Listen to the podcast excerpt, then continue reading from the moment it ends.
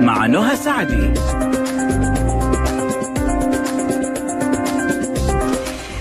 الرحمن الرحيم. السلام عليكم ورحمة الله وبركاته. أحلى مستمعين مستمعي ألف ألف FM الموجة السعودية. مستمعي برنامج طبابة اللي بيجيكم يوميا من الأحد للخميس بإذن الله. معي أنا نهى سعدي من الساعة واحدة للساعة اثنين بعد الظهر. معك آيفون معك آيباد معك أي جهاز نظامه iOS. أدخل على متجر أبل أو أبل ستور. حمل تطبيق ألف ألف FM. معك جهاز نظامه أندرويد. أدخل على جوجل بلاي. حمل نفس التطبيق. فيسبوك تويتر إنستغرام قناة اليوتيوب كلها على نفس الحساب. ألف ألف FM. سناب شات على ألف ألف FM live تواصلكم معنا صفر واحد اثنين ستة واحد ستة واحد واحد صفر صفر. رسائلكم على صفر خمسة وخمسين ستة وستين ثمانية تسعة صفرين واحد. اللي فاتته الحلقة حاب يسمعها من أول حاب يهدي الرابط لأي أحد يستفيد من هذا الرابط. الحلقة حتكون خلال 24 ساعة موجودة بإذن الله على قناة ألف ألف أف أم على منصة اليوتيوب. وزي ما أنتم عارفين كل يوم بيكون معنا ضيف وضيفنا بيكون من النخبة والنخبة فقط من الأطباء في مجالهم. اليوم معنا من مستشفى الدكتور سمير عباس. آه الدكتور المؤيد بالله آه رمال. رمالي. تمام. آه، استشاري جراحة الأنف والأذن والحنجرة والرأس والعنق. وحنتكلم عن اليوم العالمي للسمع. فحنتكلم عن كل حاجة تخص السمع بإذن الله وإن شاء الله الكل يستفيد منها. نرجع نقول الله يشفي الجميع بإذن الله ويرحم كل متوفي ويجبر خاطر وقلب كل شخص مفارق. آه، دكتور كيف حالك أول شيء؟ الحمد لله. الله يسلمك ويبارك فيك. متى تاريخ اليوم العالمي للسمع تحديدا؟ والله هو اليوم بيحت... اليوم بيحتفلوا بتاريخ ال... ال- اليوم العالمي للسمع عشان نزود الوعي أم... ونحاول نجاوب على الأسئلة أم... قد ما نقدر ونزود الوعي المجتمع بهذا اليوم عشان كذا قرروا March second أو يوم 2 مارس آه، يكون اليوم العالمي للسمع لهذا الغرض طيب. يعني كثير ناس عندهم مرتبط بيخافوا لو الأب أو الأم أو الجد أو الجدة صحيح. ما ما بيسمعوا أو بيكون عندهم مشكلة بيخافوا على أحفادهم بيخافوا على أولادهم. صحيح. فإيش علاقة السمع فعليا بالوراثة؟ هل في علاقة أصلا أو لا؟ أيوه طبعا في علاقة وطيدة بين فقدان السمع بالوراثة. أم، و- وهذا بفضل الله إنه في السعودية هنا عندنا البروجرام أو برنامج أم، بيتم فيه أم، مراقبة واختبار جميع ال- الأطفال الخدج اول ما يتولدوا بحيث نعمل لهم اختبار للسمع. وهذا بفضل الله آه، تعالى متوفر في جميع مستشفيات المملكة. بسبب هذا الجانب بالتحديد. الجانب الوراثي جدا جدا وطيد بفقدان السمع عند عند الأطفال بالذات. فعشان كذا أي أحد عنده تاريخ في العيلة إنه في أحد فقد سمعه من أخوان ال- ال- المولود أو الأب أو الأم لازم يذكر هذا للطبيب آه، آه، طبيبه النساء والولاده وطبيب الأطفال. في لحظة الولادة؟ إيش معنى الخدج ولا هو ولا حتى ال- ال- المولود الجديد؟ عشان مثبت في الدراسات العلمية إنه the early the البداية من أول ما أول ما نكتب بداية ال- الاكتشاف المرض يساعد بشكل كبير لعودة العلاج وعودة الطفل. آه يعني يعني هي الفكرة إنه فعلا التشخيص المبكر هنا ممكن يعني يساعد ال- الطفل. بشكل كبير جدا بشكل كبير جدا وفي حالات كثيرة أم، تم الاكتشاف بوقت مبكر جدا وبيرجعوا يمارسوا حياتهم الطبيعية وبيتوظفوا وظائف آه، آم، مرموقة في المجتمع. حتى بعضهم دكاترة. يعني بعض الدكاترة في دكتور درسني شخصيا فاقد السمع من هو طفل. وتم زراعة القوقعة لي من عم هو عمره صغير. ودحين آم، استشاري كبير في جراحة الأنف والأذن والحنجرة ما شاء الله فعشان كذا التشخيص المبكر زي ما ذكرتي آم، مرة مرة مرة مهم مرة مهم. والحمد لله في عندنا ال ال الآليات إنه نشخص ال- الطفل آه، بشكل جدا مبكر. هذه أول مرحلة اللي هي عند الولادة. لكن في من بعض الأطفال يظهر عليهم شوية أعراض تخلي الأهل شوية يقلقوا إنه هل حتى لو ما في أي تاريخ مرضي في العيلة منها إنه الطفل أم، ما بدأ يتكلم بدري ما صح. آه، يقول بابا وماما حتى ما بدأ يقول. سم الألفاظ اللي أي طفل ممكن يقولها في سنه في سن السنة سنة ونص آه، فهذا لازم يخلي ال- الأهل ينتبهوا آه، وبعض الأهل يقلقوا فيجيبوا الطفل لل- لل- للاستشاري أو للطبيب المختص عشان طب يعمل آه، هي لو كانت فعلا ال- الوراثة هي السبب وهي الناقل آه، هل هذا معناه لازم يولد إنه فاقد للسمع أم إنه ممكن يفقد السمع في مرحلة آه، شوية صحيح. طبعا تختلف الأمراض الوراثية من مرض لمرض. في بعضهم يتم يتولدوا طبيعيين جدا. وعندهم السمع طبيعي ولكن يبدأ السمع ينقص بشكل كبير وهم بيكبروا مم. فعشان كده ال- العامل الوراثي والتشخيص المبكر يخلينا نت- نتدخل آم، ب- بعدة طرق إنه نخلي نحافظ على على السمع قبل ما يتم فقدانه بشكل مبكر مم. ونخلي الطفل يبدأ يتعلم زي ما انت عارفة السمع جدا مهم للتطور اللغوي للطفل الطفل لازم يسمع قبل ما يتكلم طيب آه، دكتور خلينا نذكر كمان بعض الأسباب اللي هي الأكثر خلينا شيوعا. ولا مم. أكثر أيوة. عوامل الخطورة الموجودة آه، لأنه الشخص يكون فاقد للسمع طيب هو في الأكثر شيوعا بشكل كبير في آه، في فقدان السمع هو تقدم العمر. تقدم العمر هو أكبر وأكثر شيء يؤدي إلى فقدان السمع. ويتم فقدان السمع وأعراض فقدان السمع عند عند الكبار مو دائما تكون لل- للمريض نفسه. أغلب الأوقات يكون سببه إنه حدوث طنين. ال- الشخص بيشتكي يقول دكتور أنا بسمع وشف اذني طول الوقت في الإذنين اليمين واليسار وبتزيد مع الوقت. وهذا من أهم الأعراض لفقدان السمع عند تقدم السن. آم، الأسباب الثانية طبعا التعرض للصوت العالي جدا في الحفلات آه، الموسيقية مثلا أو أو عند حدوث آم، حادث أو انفجار الايرباجز مثلا بشكل كبير. هذا يؤدي آم، إلى إلى فقدان السمع. بشكل بشكل كبير. طبعا الأدوية لازم أي طبيب لازم أي مريض يبدأ على دواء جديد ويحس إنه في بالسمع بدأ يتأثر لازم يذكر للطبيب هل هذه الأدوية تؤدي إلى فقدان السمع هل لها بدائل؟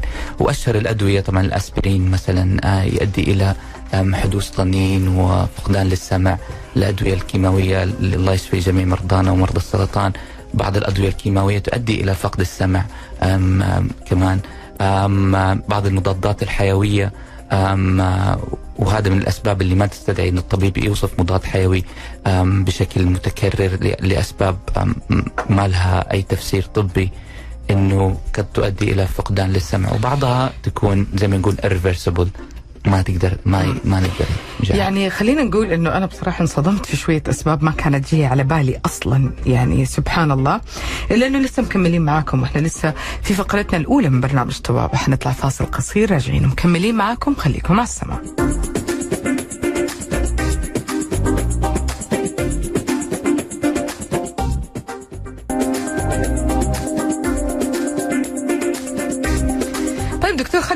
بسؤال يعني إن شاء الله ما نقصر ولا مع أحد من المستمعين. بيقول أنا عندي مشكلة في كريستال الأذن المسؤولة عن التوازن وبيسبب دوخة شديدة. هل في علاج آه، جذري للمشكلة؟ وفين آه، لا هذه فين نقدر نسوي؟ أنا حقول لك آه، طبيبنا اليوم من مستشفى الدكتور سمير عباس تقدر تزورهم. تنظيف الأذن أو سحب الشمع.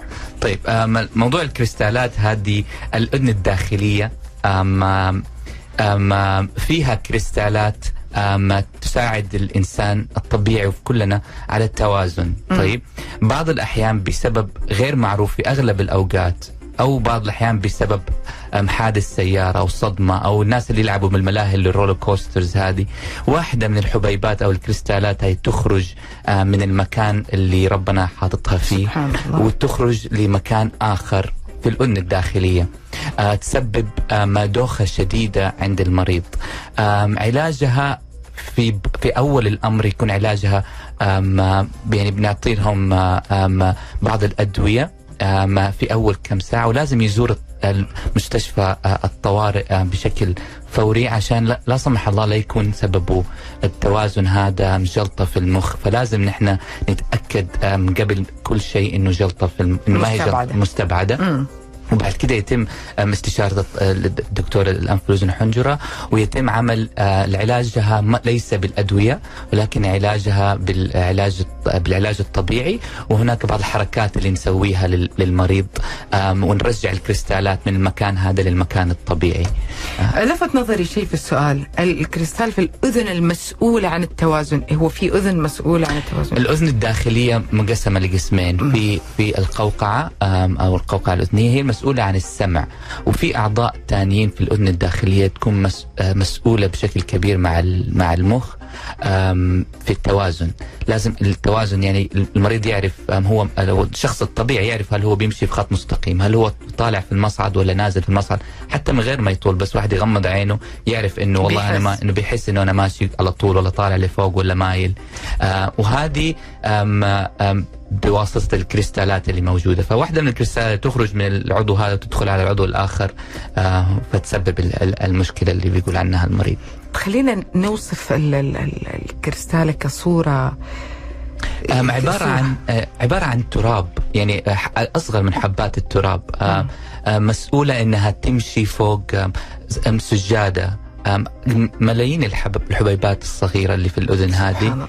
فواحدة منهم تخرج من مكانها وكانت تمشي على على بساط من ال- ال- المادة ال- ال- ال- ال- ال- like slime زي مادة لزجة عشان لما تحرك وتحت المادة هذه في شعيرات عصبية فلما تتحرك المادة هذه بسبب آه، تحرك ال- الرمل اللي فوقها يتم ال- المخ يعرف إنه والله أنا بتحرك جهة اليمين بتحرك جهة اليسار. آه، فهذه هي ال- الحبيبات الصغيرة دكتور بما إنه دخلنا في تشريح الأذن إيه. يعني إحنا قلنا هذه الأذن الداخلية. إيه. الأذن الخارجية هل هي الغضروف الخارجي هذا ولا لا؟ لسه في مرحلة أيوه الأذن الخارجية تنقسم لقسمين. آم، اللي اللي واحد يمسكها في يده اللي هي ال- الأذن الخارجية هذه وبعدين في القناة السمعية الخارجية. هذه تنطوي تحت الاذن الخارجية. وهذه آم، اللي أكثر شيوعا عند الناس اللي هي يتم إفراز الشمع فيها. آه، تمتد من أول مدخل الإذن اللي برا إلين طبلة الأذن في في, في نهاية ال- ال- القناة هذه. ومن بعد طبلة الأذن إلى تقريبا طبقة بداية الأذن الداخلية. هذه نسميها الأذن الوسطى اللي فيها الحويصلات واللي فيها ال- الع- العظيمات المسؤولة عن السمع ويمر فيها عصب السمع ويمر فيها عصب ال- التذوق كمان. آه وبعدين بعد بعد الأذن الوسطى في الأذن الداخلية اللي هي فيها القوقعة ال- ال- السمع. عنها. دكتور بما إنه جبنا سيرة ال- الشمع بس عشان إيه. لا يروح عن بالي السؤال إيه. من الأشياء ما أعرف هي خرافة أم حقيقة اللي نسمعها مرة كثير لا تنظف إذنك من جوا مرة كثير ولا تنظف الإذن أصلا بكثرة يعني إيه. مو مثلا بصفة يومية صحيح. كل يومين أو ثلاث هل هذه حقيقة أم إنه آه لا لو لو تحت شروط ومقاييس ومعايير معينة يمشي الحال لا هي القاعدة إنه لا تدخل أي شيء أكبر من صباعك في إذنك طيب أم فنح فالشمع هذه أم أم ربنا خالق الشمع إنه والإذن إنها تنظف نفسها في نفسها. فأي شيء يخرج لبرا خارج وما وبتقدر تشيله باصبعك تشيله. عود الاذاني جدا مضر عشان يؤدي إلى إنه انت الواحد بس بيدخل بيدفها بيدف الشمع لجوا وبس بيشيل الطبقة الخارجية من الشمع. فمع فمع كثرة استخدامه فبتحصل إنه الشمع دخل على جوا وصار يتراكم آه، في نهاية الأذن ال- الخارجية وعند الطبلة ويكون تنظيفه صعب على المريض. فلا حد يدخل أي عود أسن... امام عود أو مفتاح. في ناس يدخلوا مفاتيح في إيدنا وفي ناس يدخلوا عود أداني. قلم. لا يتم مراجعة الطبيب والطبيب يتم ينظف ال... ينظف لك الاذن كيف تنظيف الاذن عند الطبيب يكون كل قديش؟ يعني في ناس هو الحالة الحالة تختلف عن حالة. في ناس عارفين نفسهم إن هم كل شهر شهرين عندهم الشمع بسبب جيناتهم عندهم شمع آه، بيتراكموا وثقيل الشمع حقهم وما ما يخرج الاذن ما تقدر تنظف نفسها بنفسها. ففي ناس يجوا كل شهر شهرين يتم تنظيف الإذن.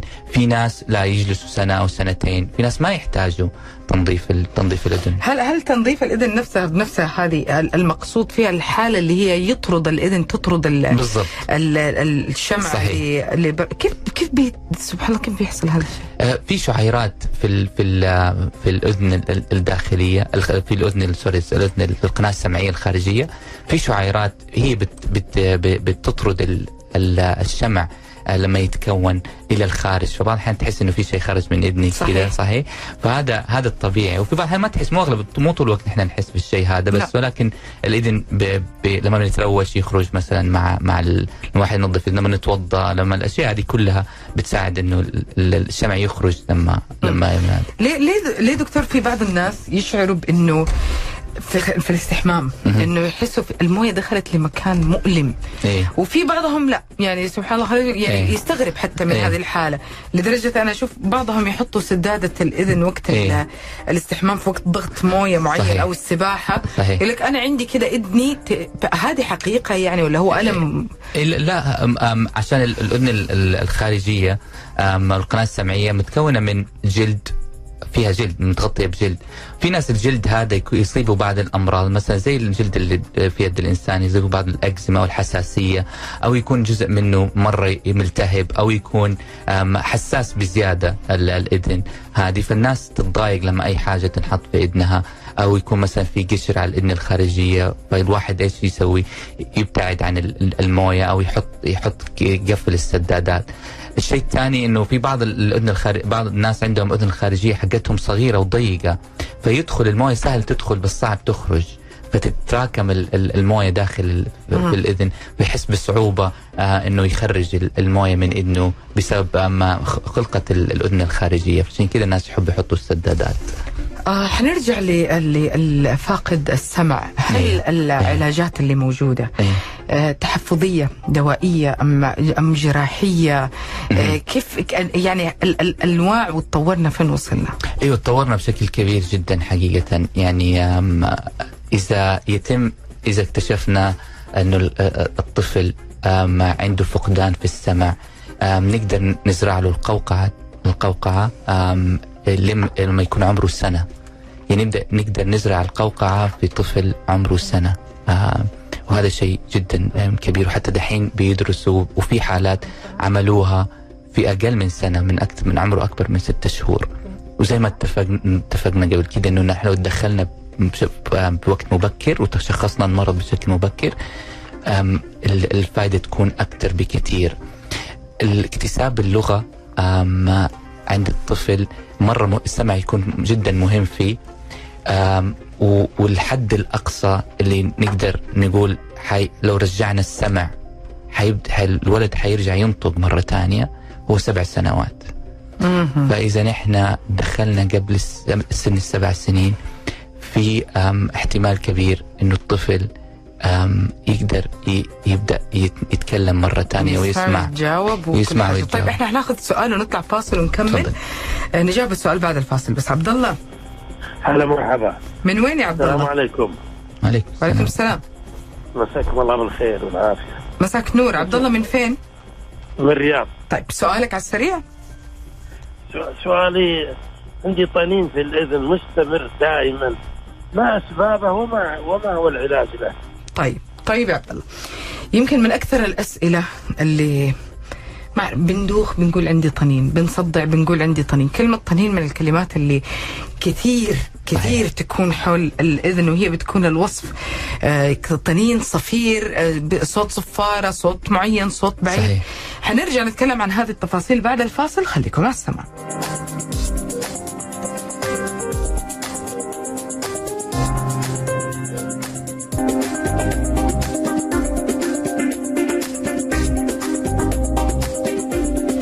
ناخذ سؤال مروان معانا كمان ونجاوب على الأسئلة. مروان. إي نعم. هات يا مروان سؤالك. من وين أول شيء؟ أنا مدينة الدمام. تفضل يا غالي تفضل بسؤالك. سؤالي بخصوص آه، الاذن إي تفضل. أنا شغال في مصنع فيه أصوات عالية تقريبا. كيف أحدد آه، مستوى الصوت اللي ياثر على طبله الاذن الله. سؤال جدا جميل ممتاز، جدا ممتاز. جميل خلينا نبدأ بهذا السؤال عشان نفصل في موضوع الطنين بعدين. صحيح زي ما ذكرت في البداية أم ال- ال- التعرض للصوت العالي أم سبب رئيسي في فقدان السمع. أم و وفي دراسات والأبحاث واضحة في الشك بالشيء هذا. إذا تعدى أم أم أم مستوى الصوت نحن نقيس الصوت وعلوه بالديسبل فإذا زاد في المكان اللي بيشتغل فيه الموظف عن 80 أم ديسبل عندنا مدة معينة يقدر يتعرض لها لل- لل- لل- لل- لل- للضجيج هذا. لو كان 80 ديسبل الم- المريض مسموح له أو الموظف مسموح له يتعرض لثمانية ساعات فقط لل- للإزعاج. هذا. يعني يعني مو بس درجة علو الصوت إيه. كمان مرتبطة المدة اللي الشخص أيوة. ممكن يسمع فيها صوت صحيح. مستمر في وزير من الإزعاج الشعر بيت هو 80 وكل ما نزيد 3 ديسبل بس. نزيد 3 يعني من 80 ل 83 تقل النسبة المسموح التعرض فيها للنصف. يعني 80 8 ساعات 83 4 ساعات فقط. 86 ساعتين اللي بعدها معلش خلاص. راح في الرياضيات اللي بعدها تصير صارت إيه؟ خلاص إيه. هنا وصل للمشكلة خلاص وبعدين يعني توصل 10 دقائق أو إيه. بس توصل ل 120 ثانية ممنوع يتعرض لهذا حتى لو ثانية واحدة دقيقتين حتى إيوه حتى لو أقل من دقيقتين ما يقدر ممنوع يتعرض لها فهذا الشيء عشان كذا مثلا في الأماكن هو إيه كشخص يشتغل في هذا المكان كيف صحيح. يعرف؟ لازم أي مكان يتعرض للازعاج زي مثلا بنشوفها بشكل مستمر في في الطيران مثلا اللي بيشتغلوا على ال ground دائما حاطين ال ear muffles هذه أم، على اذنهم الشركة اللي عندها مستوى الإزعاج لا والله دكتور أنت تحسبنا عارفين ترى مو عارفين. إحنا بنتعلم أنا أحس إنه بيسمع لا لا. حاجة. لا لا, لا. أحس بيسمعوا بعض. اللي يشتغلوا في الطيران الطيران اللي يشيلوا الطيارة واللي اللي اللي يشتغلوا قريب من محرك الطيارة أم لازم يحط الواقي الآذان هذا ال- اللي ولازم ما يشيل وما يشيلوا الفترة فترة طويلة عشان شركه الطيران عندهم أم عندهم أنظمة إنه نحن عندنا ترى مستوى ضجيج في المكان اللي إحنا فيه مثلا لتسي 70 ديسبل فأنت لازم طول الوقت تكون لابس و وزي كذا الشركة حقته إذا تعرض في ماكينات كثيرة. لازم الشركة يكون عندها قياس لمستوى الضجيج. هو جهاز. هو جهاز. يتم يتم شراؤه وتتعرف نتعرف على مستوى الضجيج في المكان اللي هو فيه. ويتم بناء عليه حساب أو أو, أو طريقة علاج ال prevention أو الوقاية من هذا الشيء على حسب ال decibels اللي موجودة في المكان هذا. عودة للطنين إيه. ومشكلة الطنين. صحيح. بتكون مرتبطة بمشاكل مرة كثيرة. يعني إيه. الشخص ما أعرف أحس اللي ضغطه بيعلى ضغطه بيوطى أيوه كثير إحنا بنوصف الطنين ب... ب... ب... يعني علاقته جدا قوية بجسمنا مع انه سبحان الله إحنا اليوم نبغى نعرف إيش العلاقة. أيوه صحيح. هو ال- الطنين مصطلح عام يتم استخدامه بشكل كبير عند المرضى. وزي ما ذكرت ال- ال- الطنين إذا الطنين هو إنه المريض بيسمع صوت في خلف في الخلفية. سامع الصوت. هذا الصوت قد يكون لازم نعرف إيش الصوت اللي بيسمعه المريض. هل هو وشة بسيطة؟ أم، هل هو طنين عالي؟ هل بيسمع المريض نبضات قلبه؟ هل بيسمع حركة أمعائه هذه كلها المرضى بيستخدموها كأنها طنين في, ال- في الإذن. وأهم سبب لازم نكتشف سبب الطنين هو فقدان السمع. الطنين في- حالة فقدان السمع يكون في الجهتين. في جهة تكون أكثر من جهة في الإذن اليمين أو في الإذن اليسار بس لازم يكون في الإذنين. طيب نادر جدا أنه يكون حدوثه في إذن واحدة فقط. قد يتأخر ظهوره في الإذن الثانية لشهر شهرين أو فترة. لكن إيه لكن, لكن يكون- لازم يكون في الاثنين عشان سبب تفضلي. دكتور حنين وقفينا شوي بس عشان محمد على الخط من أول. محمد؟ يا هلا والله. من وين يا محمد؟ من الدمام. تفضل. زاد فضلك عندي سؤال بس كيف أقدر أحافظ على أذني من ترددات الصوت العالية؟ من؟ ترددات الصوت العالية. ترددات الصوت العالي نعم. طيب حاضر. نجاوب عليه ونرجع للطنين أيوة. خلينا نحسه موضوع كبير. إيه، الترددات العالية زي ما قلنا نحن لازم نعرف أم، أم، كم قد إيش الترددات العالية هذه قد إيش ال- قوتها وبناء عليه في طرق مختلفة لل- للعلاج لها والوقاية منها. بعضها ال headphones أو السماعات اللي تركب ال ear muffles نسميها اللي هي الواقية للإذن تجي تنحط فوق الإذن. وفي بعضهم زي ال ear plugs أو السماع أو السدادات الأذاني. طبعا كل شيء أم، يعتمد على قد قديش كمية الترددات العالية وقوتها ما حيكفيني الوقت اليوم عشان أسأل كل الأسئلة اللي عندي وأتعلم كل شيء إحنا لازم نفصل الحلقة دي على على مرحلتين آه، لأنه حقيقي ب ب يعني أسئلة كثير وأمور كثير تخص هذه المسألة. آه نرجع لل لل للطنين. للطنين إيه. آه في ناس مجرد ما بتنام بتهدى بيختفي. يعني يمكن أنا ما تعرضت له فعليا إيه. كثير في إيه. حياتي إلا إيه. إنه في مرات حسيت بشيء من الإزعاج. والصفير وخليني أقول فعلا بسبب صوت عالي أنا سمعته أيوه أيوه لما هل أنا هنا إيه. راجع طبيب دكتور ولا طيب نحن لازم نتفق إنه في background noise أو في آه، طنين عند الناس كلها وتسمعها وهذا بسبب إنه الإنسان سمعه طبيعي جدا فما بيحس في الموضوع هذا. ولكن بعض الأحيان التعرض زي ما قلتي الصوت عالي مثلا بيؤدي إلى إنه السمع ينقص شوية فتظهر يظهر الطنين في الإذن. ف فمن أهم الأعراض عشان كده قلنا إنه لما يفقد الإنسان مع تقدم العمر سمعه تبدأ مستوى الطنين يسمعه أكثر ال ال ال الشخص هذا. الطنين في إذن واحدة لازم مراجعة الطبيب في أقرب آه، وقت ممكن عشان to exclude أو نشيل الاسباب ونعرف السبب الرئيسي ليه هل هو لا سمح الله تورم آه، في قاع الجمجمة؟ هل هو فقد أو علاجه ما هو العلاج اللي بنقول عنه مثلا سماعات الإذن ولا شيء؟ لازم الطنين في جهة واحدة أو الطنين اللي هو pulsatile نسميه أو الطنين اللي يحس المريض نبضات قلبه هذا كمان هذه لازم يراجع الطبيب آه، بشكل فوري عشان نعرف السبب ليه ونقدر نعالجه متى أخاف؟ متى متى أروح ال... هل إيه. لما ما أسمع الأصوات ما إيه. أحد أكثر من أحد يقول لي ناديتك إيه. ما سمعتيني إيه. لأنه لو ما سمعت فأنا ما سمعت إيه. ما حتضرر يعني إيه. أنا غير متضررة ما هو ألم ما إيه. هو شيء أنا حسيت فيه كعلامة متى أروح للطبيب؟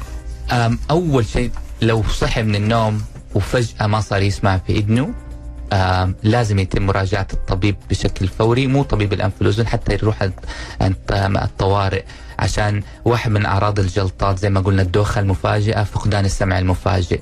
لو صحي من النوم وما بيسمع بإذنه آم، هذه لازم يروح فيها عند- الطوارئ عشان علاجها بكل ما بدأ بدرنا في العلاج نسبة عودة السمع بإذن الله تكون تكون عالية جدا. الشيء الثاني زي ما ذكرنا طنين أو فقدان السمع في إذن واحدة بشكل تدريجي. هذا يؤدي يعني كيف المريض يعرف مثلا يقول لي أنا ما أستخدم الجوال بإذن واحدة لما أحطه لما أحول من إذن لإذن ما أسمع فأرجعه للإذن الثانية. حتى أنا فلازم قد يكون بسبب إنه ضعف السمع أكثر من جهة. في لا والله الاثنين سامعين بس اليمين بتريحني أكثر بتريح مثلا. أكثر. ففي ناس مثلا مو بتريح لا ما مو سامعينك مو سامعين في الاذن الثانية. ما يسمع زي الناس في الاذن الثانية بسبب إنه استخدام الجوالات. فهذا الشيء طبعا يؤدي إلى مراجعة الطبيب. ناخذ أحمد ونطلع بسؤاله على الفاصل. يلا يا أحمد أحمد من وين؟ آه من الرياض الله يسلمك. قل لي يا أحمد. آه بسأل بس دكتور أنا عندي الوالدة آه طبعا هي عمرها 80 وفي الفترة الأخيرة يعني آه، تصير قريب منها أكلمها حتى ارفع صوتي مرة مرتين ثلاث بعدين تقول أنا سمعت. هذا أول عمر سمعها مرة كويس. فأبغى نصيحة الدكتور يعني شو نسوي. طيب الله يخليها لك إن شاء الله ويطول في عمرها ويديمها فوق راسك ويخليك ليها آه، ويجعل فيكم لها قرة عين إن شاء الله بعد الفاصل. حنرجع بإجابتنا على هذا السؤال وباقي كمان موضوعنا. خليكم على السمع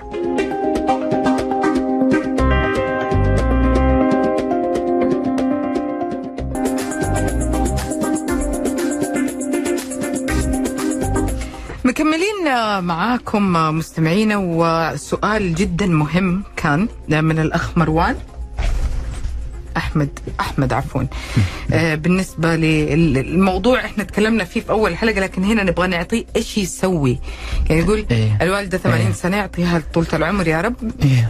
ما, بتسمع من أول مرة بس صحيح. بتسمع من ثالث ليش اللي إيه. خليها تسمع من ثالث أو رابع مرة؟ عشان طبعا في ال- الأعراض تختلف بس تقدم العمر هو أكثر سبب.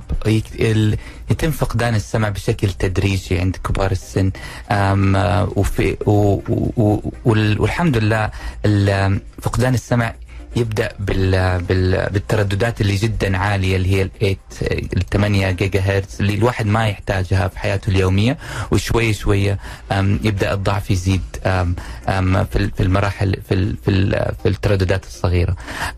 فعشان كذا لازم نهتم بالمريض هذا ونوديه يخطط تخطيط السمع ونعرف بالضبط إيش الترددات اللي هو يحتاجها وعلاجها يكون بتركيب سماعة في أغلب الأوقات والسماعات تختلف أنواعها وأشكالها. ولازم نشرح للمريض الشيء هذا إنه هذا الشيء طبيعي عشان ما يحس إنه إنه هو لحاله من فقد السمع فقد الجماعة زي ما يقولوا. فلازم نهتم بالموضوع هذا. وفي بعضهم نعيد الموضوع يعني نحاول ما نعلي صوتنا نحاول نقرب لل, على, الشخص اللي فاقد السمع. ما نعلي عشان لو عشان لو علينا صوتنا يبدأ سبحان الله ينزعج من الصوت العالي. مم. أم وهذا مثبت أم طبيا إنه لما يعلي صوته لدرجة عالية يبدأ ينزعج أكثر وما يفهم الكلام زي الناس. فأنا نصيحتي إنه نتكلم بشويش ونقرب على الشخص اللي ما هو سامع أحسن ما نعلي صوتنا أم عليه. أم و- ولازم نخطط له سمعه ونعرف إيش إيش يحتاج؟ هل يحتاج سماعات تركيب سماعات ولا لا؟ آه، دكتور في في مننا مهم. آه، يبغى أنا أبغى أطمئن. أنا إيه. الفكرة إني أنا أبغى أطمئن. مشكلة جدا كبيرة وأبغى أطمئن. هل أنا معرض لمشاكل معينة في الإذن؟ إيه. اللي بيدوخوا أو بيجي لهم فقدان توازن صحيح. أو المش... ما... حقيقي أنا ما شفت لها آه، من اللي حولي ما أعرف. ما شفت لها تدريج. إيه شفته صحي من النوم فجأة إيه. ما هو قادر يقوم من السرير صحيح. وبيخاف وبيتوتر صحيح هل في طريقة مثلا خلينا نقول فحص دوري أو شيء معين أنا أسويه من. فترة لفترة. آه يعني يرحمني من الجزئية دي حقت إيه. الخضه دي إيه لا والله للأسف ما في ما في أي شيء مثبت علميا أم أم عشان زي زي الله يشفينا يشفي الجميع زي السرطان مثلا نقدر في بعض ال- التحاليل اللي ممكن نعملها. للأسف الفقدان ال- ال- ال- حاسة السمع بشكل مفاجئ أو الدوخة بشكل مفاجئ أه، ما في لها أي أي أم أم اختبار أه، نقدر نعمله من قبل حدوث الفاجعة زي ما بنقول.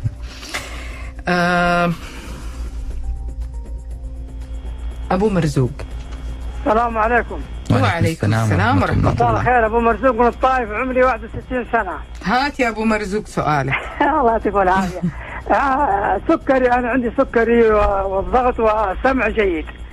سؤالي آه، كل يوم أستعمل إسبرين 81 مهم. لما امشي آه، ينخل التوازن عندي كأني بطيح. ونهاركم سعيد إيوه أم أم فقدان التوازن أثناء المشي أو فقدان التوازن بشكل عام ليه أسباب جدا جدا كبيرة وكثيرة. مو بس أسبابها الأذن الداخلية آه، ولكن أسبابها كمان ال- ال- ال- الجهاز العصبي المخ والمخيخ. فما فأنا أنصحك أول شيء إنه تراجع الطبيب ال- الأعصاب وطبيب الانف والاذن والحنجره عشان يتأكدوا إنه ما في شيء آم، في الأذن الداخلية ودكتور الأعصاب عشان يعمل لك الفحوصات اللازمة لل- للجهاز العصبي عشان يتأكد إنه أنت أمورك بإذن الله طيبة وبخير. طيب نرجع آه لمسألة فقدان السمع خلينا في الأربع دقائق الأخيرة إيه، شوية تفضلي. نركز دكتور بعد إذنك على إيه. الجانب النفسي إيه سواء للطفل أو الشخص إيه. الكبير الشخص اللي ولد بفاقد للسمع والشخص اللي فقد سمعه أكيد إنهم حاولوا يوصلوا لك أي رسالة على جنب في إنه في شيء نفسي غلط الوظائف الحياة ممارسة حياتهم وجودهم في البيت إيه. الزواج ال ال يعني كل حاجة. زي ما ذكرت من فقد السمع فقد الجماعة هذا العامل النفسي للمريض ولأهل المريض جدا جدا جدا مهم. ولازم نعرف كيف نتعامل مع المريض أه، اللي فاقد أم، حاسة السمع. زي ما قلت اللي كبار في السن نحاول نفهمهم إنه هذا هذا جزء أه، من تقدم السن وفي طرق كبيرة للعلاج. بالنسبة للأهالي اللي اللي اللي عندهم أطفال فاقدين للسمع طبعا في في اهتمام جدا كبير نفسي للطفل هذا لازم نحسسه إنه إنه هذا الشيء ممكن يتم علاجه إنه ما نحسس الطفل إنه هو معزول عن المجتمع أم، ما نحسس الأهل إنه هم الناس الوحيدين اللي اللي متصابين بهذا الشيء. في ناس أكثر وفي ناس كثير عندهم هذه المشكلة. آه، في نعرفهم على بعض الأهالي اللي اللي أصاب أطفالهم فقدان للسمع. مراكز ال- التأهيل لل- للأطفال وزي ما قلت كل ما بدأنا وعرفنا وشخصنا المرض بوقت مبكر نقدر بإذن الله تعالى آم، نتفادى كثير من الأمراض ال- ال- النفسية اللي تصيب الأطفال أو الكبار في السن. هل تنصح آه، دكتور انه إنه إنه يكون مع العلاج إيه. أو مع المتابعة يكون في مثلا جانب من العلاج النفسي أو زيارة صحيح أكيد آه، طبيب يتحدث معاه يتكلم معاه. أكيد طبعا أكيد أكيد. الجانب النفسي زي ما ذكرت جانب جدا مهم. أم لازم ال ال مو بس للطبيب مو مو بس آه، الطبيب النفسي لل لل لل- للطفل نفسه أو للمريض للأهله كمان اللي حواليه لازم نعلمهم كيف يتعاملوا معاه. في في طرق كثيره للتعامل مع ال- الأشخاص اللي مصابين بفقد بفقدان السمع الصغار والكبار وكيف نخلي الأهل يت- يتعايشوا مع مع المريض بفقدان السمع بتجيني أسئلة مرة كثير إيه. يعني أنا إيه. بحاول أختار منها الشيء اللي إيه. إحنا ما جاوبنا عليه إيه. آه عشان ما نكون كررنا نفسنا إيه. فهنا بيقول عندي ألم في إذني اليمين وأحس بألم آه وقت ما أمضغ إيه أيوه طبعا ال- الألم في الاذن مو دائما سبب الاذن آه في آه مرات كثيرة آه زي ما يقولوا يسمع في الاذن الألم الأسنان الألم حق الفك. الم الفك ومفصل الفك TMJ joint هذا ال هذا ال هذا المفصل يسمع الألم لو في التهاب يسمع في الإذن. التهاب الأسنان يسمع في الإذن. التهاب الحنجرة تسمع في الإذن. فلازم يزور الطبيب ويتأكد إنه إذنه ما فيها حاجة ويدور على السبب الثاني.